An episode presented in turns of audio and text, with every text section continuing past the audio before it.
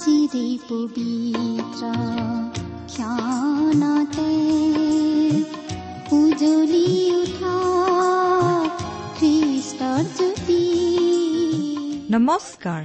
আমাৰ মৰমীয়াল প্ৰভু যীশুৰ মহান নামেৰে আপোনাক এয়া ভক্তিবচন অনুষ্ঠানলৈ আদৰিছো।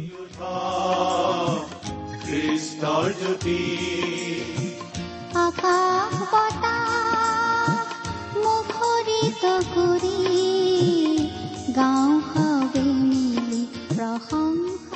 ঈশ্বৰে আপোনাক যি অসীম প্ৰেম কৰিলে তাক যদি অনুভৱ কৰিব বিচাৰে আৰু তেওঁৰ অগম্য বাক্যৰ মৌ মিঠা সোৱাদ ল'ব বিচাৰে তেন্তে আহক আজিৰ ভক্তিবচন অনুষ্ঠানটো মনোযোগেৰে শুনো। এয়া আপোনালৈ আগবঢ়াইছো ঈশ্বৰৰ জীৱন্ত বাক্যৰ অনুষ্ঠান ভক্তিবচন।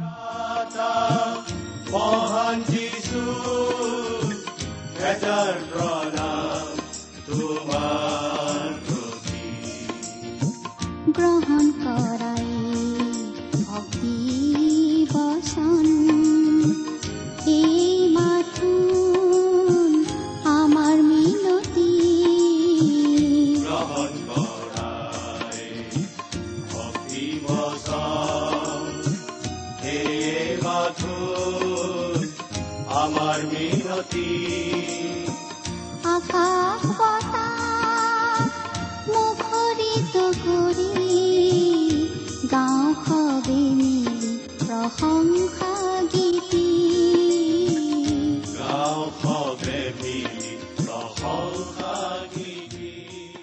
আমাৰ পৰম পবিত্ৰ প্ৰভু যীশুখ্ৰীষ্টৰ নামত নমস্কাৰ প্ৰিয় শ্ৰোতা। আপোনাৰ ভালনে বাৰু? আপুনি আমাৰ এই ভক্তিবচন অনুষ্ঠান নিয়মিতভাৱে শুনি আহিছেনে? এই অনুষ্ঠান সম্বন্ধে আপোনাৰ মতামত কেতিয়াবা আমাক জনাইছেনে? আমি কিন্তু আপোনাৰ চিঠিৰ বাবে আগ্ৰহেৰে বাট চাই থাকোঁ। অনুগ্ৰহ কৰি আমালৈ মাজে সময়ে চিঠি পত্ৰ দি থাকিবচোন। অৱশ্যে লিখিবলৈ হ'লে আমাৰ ঠিকনাটোও জানিব লাগিব। আমাৰ ঠিকনা হৈছে ভক্তিবচন টি ডব্লিউ আৰ ইণ্ডিয়া ডাক বাকচ নম্বৰ সাত শূন্য গুৱাহাটী সাত আঠ এক শূন্য শূন্য এক। Bhaktibachan T W R India post box number seventy Guwahati seven eight one zero' zero' one. আমাৰ website W W W dot radio' eight eight two dot com প্ৰিয় শ্ৰোতা আপুনি বাৰু আমাৰ এই ভক্তিবচন অনুষ্ঠান নিয়মিতভাৱে শুনি আছেনে? যদি শুনি আছে তেনেহ'লে আপুনি নিশ্চয় জানে যে যোৱা অনুষ্ঠানত আমি এখন পুস্তকৰ অধ্যয়ন আৰম্ভ কৰিছিলোঁ। এই পুস্তকখন অতি চুটি পুস্তক মাত্ৰ তেৰটা পদৰ এখন চুটি পুস্তক পুস্তকখনৰ নামটো মনত আছেনে বাৰু? পুস্তকখন হৈছে বাইবেলৰ নতুন নিয়ম খণ্ডৰ জোহনৰ দ্বিতীয় পত্ৰ নামৰ পুস্তকখন। আমি চমুকৈ এই পুস্তকখনক দ্বিতীয় জোহন বুলিয়েই কওঁ। আমি এই কথা জানো যে পাচনি জোহনে তিনিখন পত্ৰ লিখিছিল আৰু তাৰে হৈছে এইখন দ্বিতীয় পত্ৰ। যোৱা অনুষ্ঠানত আমি আচলতে এই দ্বিতীয় জোহন পুস্তকখনৰ এটা চমু পৰিচয়হে আগবঢ়ালোঁ। লগতে প্ৰথম জোহন পুস্তকত জোহনে লিখা কথা কিছুমানো আমি মনত পেলালোঁ। নহয়নে বাৰু? আহকচোন অধ্যয়ন আৰম্ভ কৰাৰ আগতে মহান পিতা পৰমেশ্বৰৰ ওচৰত প্ৰাৰ্থনাত মূৰ্ণত কৰোঁ হওক। হে আমাৰ স্বৰ্গত থকা অসীম দয়ালু পিতৃ ঈশ্বৰ প্ৰথমতেই তোমাক ধন্যবাদ জনাওঁ। কিয়নো তুমি আমাক এটা নতুন দিন দেখিবলৈ দিলা আৰু তোমাৰ বাক্য অধ্যয়ন কৰাৰ আৰু এটা সুযোগ আমাক দান কৰিলা। তোমাৰ মহান বাক্য বাইবেল শাস্ত্ৰ বুজি পাবলৈ তুমি আমাক সহায় কৰা প্ৰভু। আমাৰ প্ৰয়োজন অনুসাৰে তুমি আমাক কথা কোৱা। এই অনুষ্ঠান শুনি থকা প্ৰতিজন শ্ৰোতাৰ আগত তুমি নিজকে প্ৰকাশ কৰা। তেওঁলোকক প্ৰচুৰ পৰিমাণে আশীৰ্বাদ কৰা। কিয়নো এই প্ৰাৰ্থনা আমাৰ হকে ক্ৰুচত নিজৰ পবিত্ৰ তেজ পোৱাই আমাৰ পাপৰ প্ৰায়চিত্ৰ কৰি তৃতীয় দিনা কবৰৰ পৰা জি উঠি স্বৰ্গলৈ গৈ তোমাৰ সোঁহাতে বহি আমাৰ হকে নিবেদন কৰি থকা ত্ৰাণকৰ্তা প্ৰভু যীশুখ্ৰীষ্টৰ নামত অৰ্পণ কৰিলো। আমেন।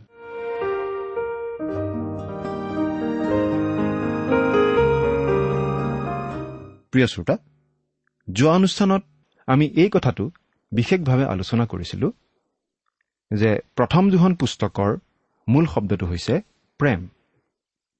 আৰু এই দ্বিতীয় জোহন পুস্তকৰ মূল শব্দটো হৈছে সত্য। প্ৰেমতকৈ সত্যই আগস্থান পাব লাগে। আমি আনৰ প্ৰতি প্ৰেম প্ৰদৰ্শন কৰিব লাগে কিন্তু সেই প্ৰেম আমি প্ৰদৰ্শন কৰিব লাগে সত্যৰ পৰিধিৰ ভিতৰত থাকিহে সত্যত থাকিহে। এই দ্বিতীয় জোহন পুস্তকখন অতি চুটি যদিও আমি পুস্তকখনক তিনিটা ভাগত ভগাব পাৰোঁ। প্ৰথমতেই হৈছে সত্যত থাকি কৰা প্ৰেম। একৰ পৰা ছয় নম্বৰ পদ। দ্বিতীয়তে ভুৱা তত্বই কুকাৰ্যলৈ আগবঢ়াই নিয়ে। সাতৰ পৰা এঘাৰ পদ। আৰু তৃতীয়তে ব্যক্তিগত অভিবাদন বাৰ আৰু তেৰ পদ। এই দ্বিতীয় জোহন পুস্তকত কোৱা কথাবোৰ আমাৰ বাবে বিশেষভাৱে গুৰুত্বপূৰ্ণ এইকাৰণেই যে প্ৰথম জোহন পুস্তকত পাচনি জোহনে কোৱা কথা ভালদৰে উচিত দৃষ্টিভংগীৰে চোৱাত এই পুস্তকত থকা কথাখিনিয়ে আমাক সহায় কৰে। ইয়াত খ্ৰীষ্টীয় জীৱনৰ দুটা মেৰুৰ কথা কোৱা হৈছে প্ৰেম আৰু সত্য। যেতিয়া সত্য আৰু প্ৰেমৰ মাজত বিৰোধ হয় তেতিয়া কি কৰা উচিত? এই প্ৰশ্নটোৰ উত্তৰ আমি এই দ্বিতীয় জোহন পুস্তকত পাওঁ। প্ৰিয় শ্ৰোতা আমাৰ এই অনুষ্ঠান বাইবেল অধ্যয়নৰ অনুষ্ঠান। গতিকে এই অনুষ্ঠান শুনিবৰ সময়ত লগত বাইবেল এখন লৈ ল'লে খুব ভাল হয়। কাৰণ আমি এই অনুষ্ঠানত বাইবেলৰ পৰা পাঠ কৰি যাওঁ আৰু তাৰ আধাৰতেই আমাৰ আলোচনা আগবঢ়াওঁ। আপোনাৰ লগত বাৰু বাইবেল আছেনে? আৰু এতিয়া বাৰু আপুনি বাইবেলখন মেলি লৈছেনে? এতিয়া আমি বাইবেলৰ পৰা পাঠ কৰি দিব খুজিছোঁ। অনুগ্ৰহ কৰি চাই যাব। আৰু আপোনাৰ লগত যদি বাইবেল নাই আমি পাঠ কৰি দিওঁতে অনুগ্ৰহ কৰি মন দি শুনিব। পাঠ কৰি দিম। দ্বিতীয় জোহন প্ৰথম আৰু দ্বিতীয় পদ। ইয়াত এনেদৰে লিখা আছে বৃদ্ধজন যি সত্য আমাৰ অন্তৰত থাকে আৰু অনন্তকাললৈকে আমাৰ লগত হ'ব। সেই সত্যৰ কাৰণে যি মনোনীত কুৰিয় আৰু তেওঁৰ সন্তানবিলাকক মই সত্যেৰে প্ৰেম কৰোঁ কেৱল মই নহয় সেই সত্যক জনা সকলোৱেই কৰে তেওঁলোকৰ সমীপলৈ। এই দ্বিতীয় জোহন পুস্তকখন হৈছে এখন পত্ৰ। বৃদ্ধজন অৰ্থাৎ পাচনি জোহনে কুৰিয় অৰ্থাৎ ভদ্ৰমহিলা আৰু তেওঁৰ সন্তানবিলাকলৈ লিখা পত্ৰ বৃদ্ধজন মানে মূল গ্ৰীক শব্দটো হৈছে প্ৰেছ বিউটেৰছ আৰু এই শব্দটোৰ দুটা অৰ্থ আছে। এই প্ৰেছ বিউটেৰছ শব্দটোৱে জ্যেষ্ঠ লোককো বুজাব পাৰে। বয়সত বৃদ্ধ লোকক বুজাব পাৰে। লগতে এই শব্দটোৱে এটা পদবীও বুজাব পাৰে। মণ্ডলীৰ এটা পদবী। পৰিচাৰক নাইবা শিক্ষকক বুজাব পাৰে। ইয়াত পাচনি জোহনে নিজকে বৃদ্ধ লোক বুলি কওঁতে মণ্ডলীত তেওঁৰ যি বিশেষ পদবী সেই কথাটোহে বুজোৱা বুলি আমি ক'ব পাৰোঁ। লগতে এই কথাটোও প্ৰকাশ পাই উঠিছে যে তেওঁ এতিয়া এজন বৃদ্ধ লোক অতি বৃদ্ধ। আচলতে সেই সময়ত তেওঁ নব্বৈ বছৰ অতিক্ৰম কৰি যোৱা বৃদ্ধ লোক আছিল বুলি আমি ক'ব পাৰোঁ। প্ৰায় এশ বছৰ তেওঁৰ হ'ব ধৰিছিল এই পত্ৰখন লিখাৰ সময়ত। আমি এই কথাটো বিশেষভাৱে মন কৰা উচিত যে জোহনে কিন্তু নিজকে পাচনি বুলি ইয়াত কোৱা নাই। কিন্তু আমি জানো যে তেওঁ যীশুখ্ৰীষ্টৰ বাৰজন শিষ্যৰ মাজৰ এজন আছিল। তেওঁ পাচনি আছিল। কিন্তু তেওঁ নিজক পাচনি বুলি ইয়াত কোৱা নাই। কিয় বাৰু? কাৰণটো অতি পৰিষ্কাৰ। আমি ভাবোঁ তেওঁ যালৈ এই পত্ৰখন লিখিছিল তেওঁ তেওঁৰ কৰ্তৃত্ব কেতিয়াও অস্বীকাৰ নকৰে বুলি জোহনে জানিছিল। সেইকাৰণে তেওঁ নিজকে কেৱল বৃদ্ধলোক বুলিহে ইয়াত উল্লেখ কৰিছে। তেওঁ পত্ৰখন কালৈ লিখিছিল? মনোনীত কুৰিয় আৰু তেওঁৰ সন্তানবিলাকলৈ। মনোনীত কুৰিয় মানে ভদ্ৰ মহিলা গ্ৰীক ভাষাত ইলেক্টা বুলি কোৱা হৈছে। এই ইলেক্টানো কোন? এই ইলেক্টা হ'ব পাৰে সেই স্থানীয় মণ্ডলীৰ কোনো আগশাৰীৰ মহিলা বা হয়তো জোহনে যি স্থানীয় মণ্ডলীলৈ লিখিছিল সেই স্থানীয় মণ্ডলীটোকেই তেওঁ ইলেক্টা বুলি বুজাব পাৰে। এই বিষয়ে আমি খাটাংকৈ ক'ব নোৱাৰোঁ। তেওঁৰ সন্তানবিলাক বুলি কওঁতে ইলেক্টা নামৰ মহিলা এগৰাকীৰ সন্তানবিলাককো বুজাব পাৰে। নহলে সেই স্থানীয় মণ্ডলীৰ সভ্য সভ্যাসকল অৰ্থাৎ আত্মিক সন্তানবিলাককো বুজাব পাৰে। এই কথাটো দুই ধৰণে বুজাব পাৰি। আমি অৱশ্যে এগৰাকী মহিলা বুলি নকৈ সেই স্থানীয় মণ্ডলীৰ কথাটোহে বেছি গ্ৰহণযোগ্য বুলি ভাবোঁ। আৰু ইয়াত যি কথা কোৱা হৈছে সেই কথাবোৰ সেই স্থানীয় মণ্ডলীৰ লগতে আজি আমাৰ কাৰণে গোটেই খ্ৰীষ্টীয় মণ্ডলীৰ কাৰণে প্ৰযোজ্য বুলি আমি ভাবোঁ। আমি ইয়াত মণ্ডলী বুলি কওঁতে কোনো স্থানীয় মণ্ডলী বা কোনো বিশেষ সম্প্ৰদায়ৰ মণ্ডলীক বুজোৱা নাই। গতিকে মণ্ডলী মানে আমি খ্ৰীষ্টৰ শৰীৰ অৰ্থাৎ সকলোবোৰ খ্ৰীষ্টীয় বিশ্বাসীৰ সমষ্টিকহে বুজাইছো। এই পত্ৰত লিখা কথাবোৰ শতিকাৰ পাছত শতিকা ধৰি সকলো ঠাইৰ খ্ৰীষ্টীয় মণ্ডলীৰ বাবে প্ৰযোজ্য হৈ আহিছে আৰু এই পত্ৰত লিখা কথাবোৰ খ্ৰীষ্টীয় মণ্ডলীৰ কাৰণে খুব উপকাৰী আৰু প্ৰয়োজনীয় কথা বুলি প্ৰমাণিত হৈ আহিছে। আমাৰ বৰ্তমান কালৰ মণ্ডলীত প্ৰেমৰ বিষয়টোত যথেষ্ট গুৰুত্ব দি থকা আমি দেখি আহিছোঁ। গতিকে প্ৰেমক প্ৰকৃত আৰু উচিত দৃষ্টিকোণেৰে চোৱাত সহায় হ'বৰ কাৰণে এই কণমানি পুস্তকখনৰ যথেষ্ট প্ৰয়োজনীয়তা আছে যথেষ্ট গুৰুত্ব আছে। মই সত্যেৰে প্ৰেম কৰোঁ। সত্য শব্দটো এই পত্ৰখনত যথেষ্ট গুৰুত্ব দি ব্যৱহাৰ কৰা হৈছে। এই কথাটো আমি যোৱা অনুষ্ঠানতো কৈছিলোঁ আৰু এতিয়াও কওঁ। এই পত্ৰখনৰ মূল চাবিকাঠিস্বৰূপ শব্দটো হৈছে এই সত্য শব্দটো প্ৰকৃত খ্ৰীষ্টীয় প্ৰেম প্ৰদৰ্শিত হ'ব পাৰে একমাত্ৰ ঈশ্বৰৰ পৰিয়ালৰ পৰিধিৰ ভিতৰত। যিসকলে সত্যক জানিলে আৰু সত্যত আছে তেওঁবিলাকৰ মাজত। ইয়াত সত্য বুলি কওঁতে আমি বুজিছো ঈশ্বৰৰ বাক্য। ঈশ্বৰৰ বাক্যই সত্য। আৰু সেই সত্য জীৱন্ত ৰূপত প্ৰকাশ পাইছে ঈশ্বৰৰ বাক্যৰ জীৱন্ত ৰূপ অৰ্থাৎ প্ৰভু যীশুখ্ৰীষ্টত যি মনোনীত কুৰিয় আৰু তেওঁৰ সন্তানবিলাকক মই সত্যেৰে প্ৰেম কৰোঁ। ইয়াত পাচনি জোহনে মূলতে দুটা কথা কৈছে। তেওঁ প্ৰেম কৰা ব্যক্তিজন এজন খ্ৰীষ্টীয় বিশ্বাসী হ'ব লাগিব। প্ৰকৃত খ্ৰীষ্টীয় বিশ্বাসী। দ্বিতীয়তে তেওঁ এই ভাৱটোও প্ৰকাশ কৰিছে যে তেওঁ যে প্ৰেম প্ৰকাশ কৰিছে সেইটো প্ৰকৃত প্ৰেম। এনেই মুখেৰে কোৱা প্ৰেম নহয়। এনেই ক'ব লাগে কাৰণে তেওঁ কোৱা নাই। তেওঁ সঁচাকৈয়ে প্ৰেম কৰে। তেওঁ সত্যৰে প্ৰেম কৰে। আন খ্ৰীষ্টীয় ভাই ভনীসকলক কেৱল মই নহয় সেই সত্যক জনা সকলোৱেই কৰে। ইয়াত পাচনি জোহনে সকলোবোৰ খ্ৰীষ্টীয় বিশ্বাসীকে সাঙুৰি লৈছে। তেওঁলোকেও এই মণ্ডলীটোক নাইবা এই ভদ্ৰ মহিলা আৰু তেওঁৰ সন্তানবিলাকক প্ৰেম কৰে।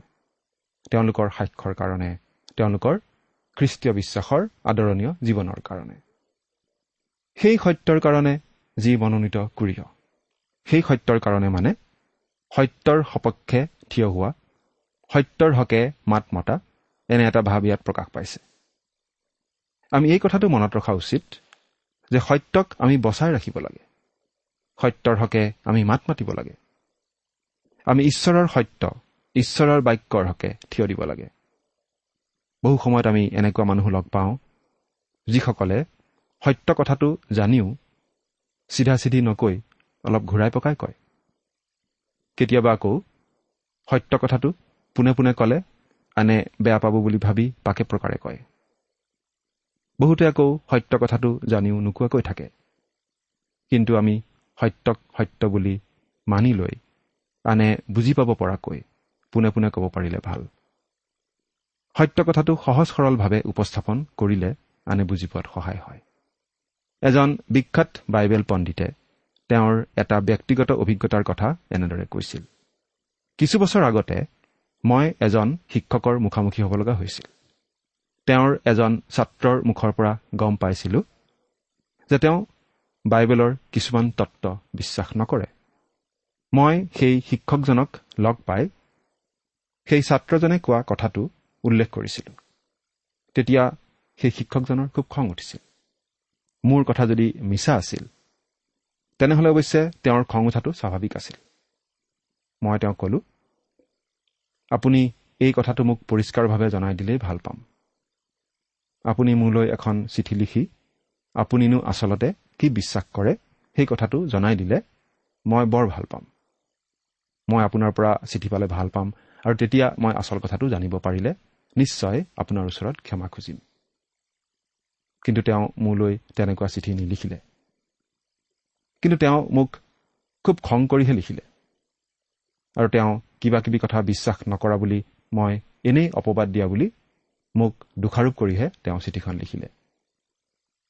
মই তেতিয়া অলপ ভাবি চিন্তি তেওঁলৈ এই বুলি লিখি পঠিয়ালোঁ। মহাশয় আপোনাৰ চিঠিখন পালোঁ। কিন্তু আপুনি গোটেই কথাখিনি পৰিষ্কাৰ কৰি দিলে বেছি ভাল হ'ব। আপুনিনো কি বিশ্বাস কৰে সেই কথা লিখিতভাৱে মোক জনালেই দেখোন কথাবোৰ পৰিষ্কাৰ হৈ পৰিব। মই চিঠিখনৰ তলত এনেদৰে লিখি দিলোঁ। মই বিশ্বাস কৰোঁ তাৰপিছত অলপ খালী ঠাই ৰাখিলোঁ। আৰু তাৰ পাছত মই এইবোৰ কথা বিশ্বাস নকৰোঁ এই বুলিও অলপ খালী ঠাই এৰিলোঁ। আৰু সেই খালী ঠাই পূৰাই দিলে তেওঁনো কি বিশ্বাস কৰে আৰু কি বিশ্বাস নকৰে মই বুজি পাম বুলি তেওঁক জনালোঁ। কিন্তু সেই চিঠিখন পাই তেওঁ বেছিকৈহে খং কৰিলে।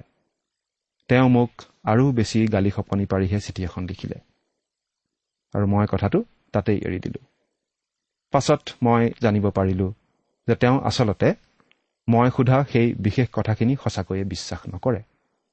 সেইকাৰণেই তেওঁ মোৰ সেই চিঠিখনৰ উত্তৰ নিদিলে। কাৰণ তেওঁ তেওঁৰ অবিশ্বাসখিনি লুকুৱাই ৰাখিব বিচাৰিছিল। মই ভাবোঁ তেওঁ যি বিশ্বাস কৰে তাৰ বাবে মই তেওঁক নিশ্চয় শ্ৰদ্ধা কৰিলোহেঁতেন।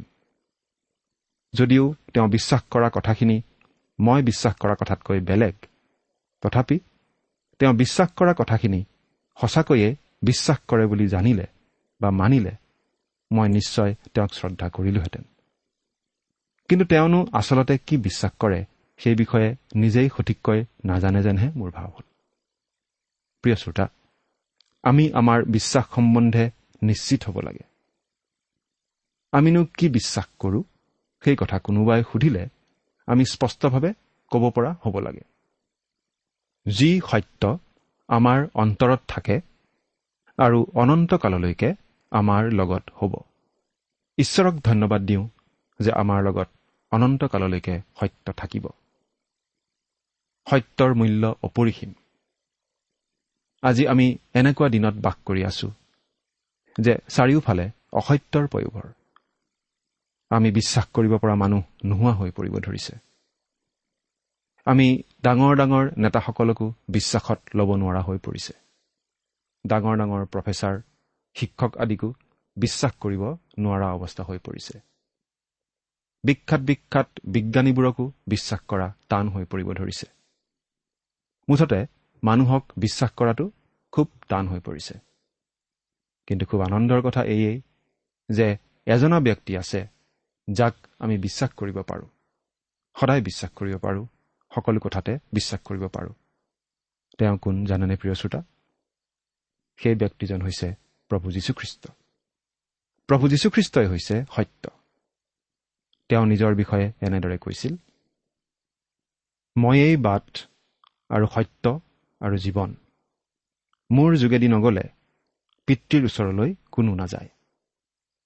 জোহনে লিখা শুভবাৰ্তা চৈধ্য অধ্যায় ছয় নম্বৰ পদ। প্ৰভু যীশুখ্ৰীষ্টক জনা মানেই সত্যক জনা। প্ৰভু যীশুখ্ৰীষ্টক পোৱা মানেই সত্যক পোৱা। কিয়নো তেওঁৱেই সত্য। প্ৰভু যীশু ঈশ্বৰ। তেওঁ মিছা কথা নকয়। তেওঁ মানুহ নহয় যে তেওঁ মিছা কথা ক'ব। তেওঁ ঈশ্বৰ আৰু তেওঁ সদায় সত্য কথাই কয়। তেওঁ আমাক সন্তুষ্ট কৰাৰ উদ্দেশ্যে কথা নকয়। কিন্তু তেওঁ যি কয় সত্য কয়। তেওঁ আমাক সদায় সত্য কথাই জনায়।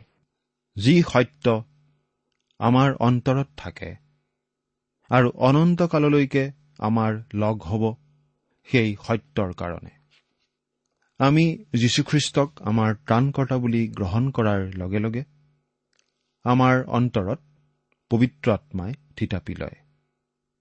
আমাৰ হৃদয়ত থকা পবিত্ৰ আত্মা ঈশ্বৰে কথাবিলাক আমাৰ বাবে বাস্তৱ কৰি তোলে আৰু অনন্ত কাললৈকে আমাৰ লগত হ'ব।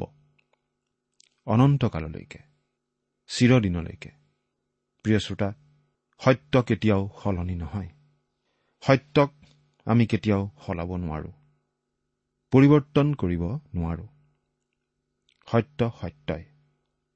এনেদৰে কোৱা হয় যি সত্য সি নতুন নহয়। আৰু যিটো নতুন সেইটো সত্য নহয়। আকৌ এবাৰ কৈছো যি সত্য সি নতুন নহয়। আৰু যিটো নতুন সেইটো সত্য নহয়। অৱশ্যে এই কথাটোৰ ব্যতিক্ৰম নোহোৱা নহয়। কিন্তু সাধাৰণতে এই কথাটো সঁচা। সত্য আমি সলাব নোৱাৰো।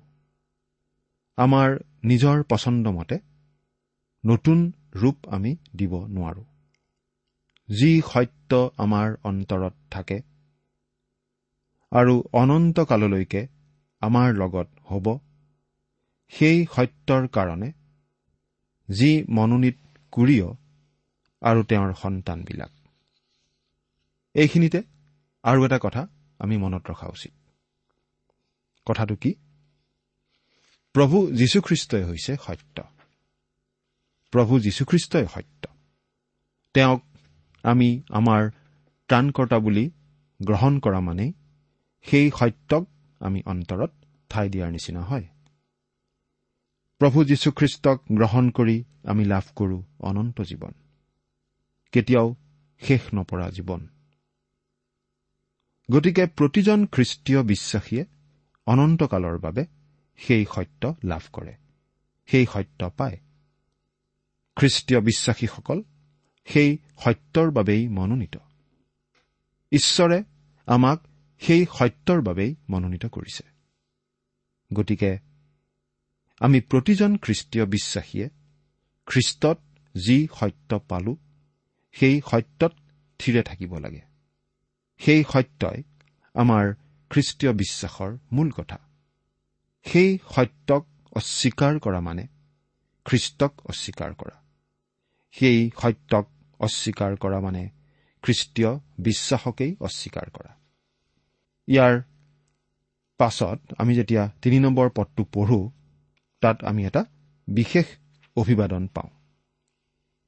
এই অভিবাদনটো পাচনি পৌল পাচনি পিতৰ জাকুব আনকি জোহনে নিজে আগতে ব্যৱহাৰ কৰা অভিবাদনতকৈ অলপ বেলেগ। পদটো পঢ়ি দিছো। শুনিবচোন। তিনি নম্বৰ পদ। পিতৃ ঈশ্বৰৰ পৰা আৰু পিতৃৰ পুত্ৰ যীশুখ্ৰীষ্টৰ পৰাও অনুগ্ৰহ দয়া আৰু শান্তি সত্যত আৰু প্ৰেমত আমাৰে সৈতে থাকিব। ইয়াত আমি তিনিটা বিশেষ শব্দ পাওঁ। আৰু এই শব্দকেইটা যদিও বিশেষ বেলেগ নহয় তথাপি শব্দ তিনিটাই অলপ পাৰ্থক্য থকা কথা বুজায়। শব্দ তিনিটা হৈছে অনুগ্ৰহ দয়া আৰু প্ৰেম। এই বিষয়ে আজিৰ অনুষ্ঠানত আমি বহলাই আলোচনা কৰিবলৈ সময় নুকুলাব গতিকে আমাৰ পৰৱৰ্তী অনুষ্ঠানত আলোচনা কৰিম বুলি ভাবিছো। পিতৃ ঈশ্বৰ আৰু পিতৃৰ পুত্ৰ প্ৰভু যীশুখ্ৰীষ্টৰ পৰাই আমি অনুগ্ৰহ দয়া শান্তি লাভ কৰো আৰু সেই অনুগ্ৰহ দয়া আৰু শান্তি আমাৰ সৈতে থাকে সত্যত আৰু প্ৰেমত। সত্য আৰু প্ৰেম অবিহনে অনুগ্ৰহ দয়া আৰু শান্তি আমি উপভোগ কৰিব নোৱাৰো। প্ৰিয় শ্ৰোতা আজিৰ অনুষ্ঠান আমি সামৰিব খুজিছো। কিন্তু তাৰ আগতে এটা প্ৰশ্ন কৰিব খুজিছো। আপুনি বাৰু আপোনাৰ জীৱনত ঈশ্বৰৰ অনুগ্ৰহ দয়া আৰু শান্তি লাভ কৰিছেনে? প্ৰভু যীশুখ্ৰীষ্টতেই সেই সকলোখিনি আছে। সেই কথাটো বাৰু আপুনি উপলব্ধি কৰিছেনে? ঈশ্বৰে আপোনাক আশীৰ্বাদ কৰক।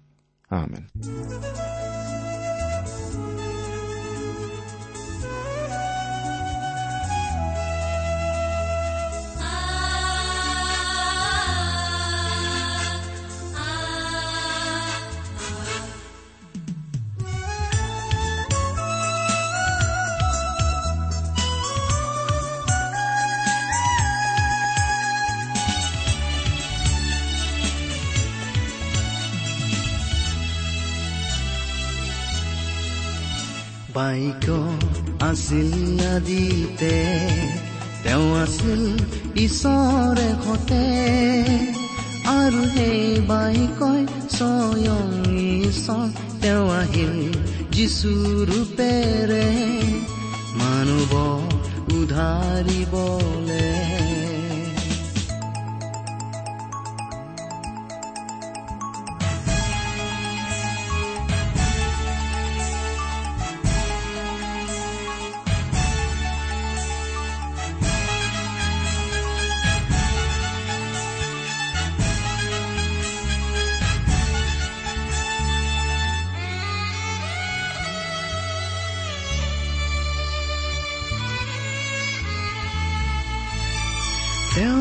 তেওঁ আছিল ঈশ্বৰে হতে তেওঁৰ দ্বাৰা হ'ল সকলোৱে। ইমান পৰে আপুনি ভক্তিবচন অনুষ্ঠানটি শুনিলে। এই বিষয়ে আপোনাৰ মতামত জানিবলৈ পালে আমি নথৈ আনন্দিত হ'ম। আমি প্ৰস্তুত কৰা বাইবেল অধ্যয়নৰ আন চিডিসমূহ পাব বিচাৰিলেও আমালৈ লিখক। অনুষ্ঠানটি শুনি কেনে পালে আমালৈ চিঠি লিখি জনাবচোন। অনুষ্ঠানত প্ৰচাৰ কৰা কোনো কথা বুজিব লগা থাকিলেও আমালৈ লিখক। আমাৰ ঠিকনা? ভক্তিবচন ট্ৰান্স ৱৰ্ল্ড ৰেডিঅ' ইণ্ডিয়া ডাক বাকচ নম্বৰ সাত শূন্য গুৱাহাটী সাত আঠ এক শূন্য শূন্য এক। ঠিকনাটো আৰু এবাৰ কৈছো ভক্তিবচন ট্ৰান্স ৱৰ্ল্ড ৰেডিঅ' ইণ্ডিয়া ডাক বাকচ নম্বৰ সাত শূন্য গুৱাহাটী সাত আঠ এক শূন্য শূন্য এক। আমাৰ ইমেইল এড্ৰেছটো হৈছে S T T B at the rate radio' eight eight two dot com আমাৰ website W W W dot T W R dot in আপুনি টেলিফোনৰ মাধ্যমেৰেও আমাক যোগাযোগ কৰিব পাৰে আমাৰ টেলিফোন নম্বৰটো হৈছে শূন্য তিনি ছয় এক দুই ছয় শূন্য চাৰি ছয় সাত এক ফোন নম্বৰটো আকৌ এবাৰ কৈছো zero' three six one two six zero' four six seven one আজিৰ অনুষ্ঠানটি ইমানতেই সামৰিছো। ঈশ্বৰৰ শান্তি আৰু অনুগ্ৰহ আপোনাৰ লগত থাকক। ধন্যবাদ।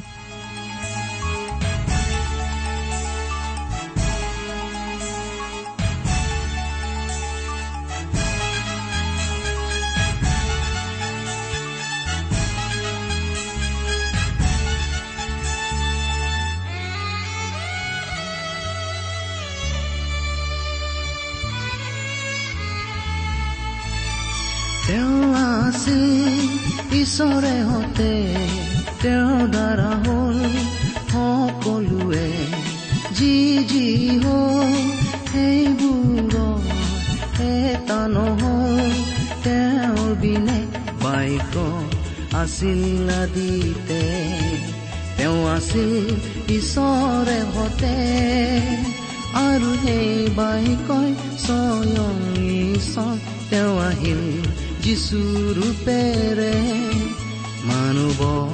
উধাৰিবলে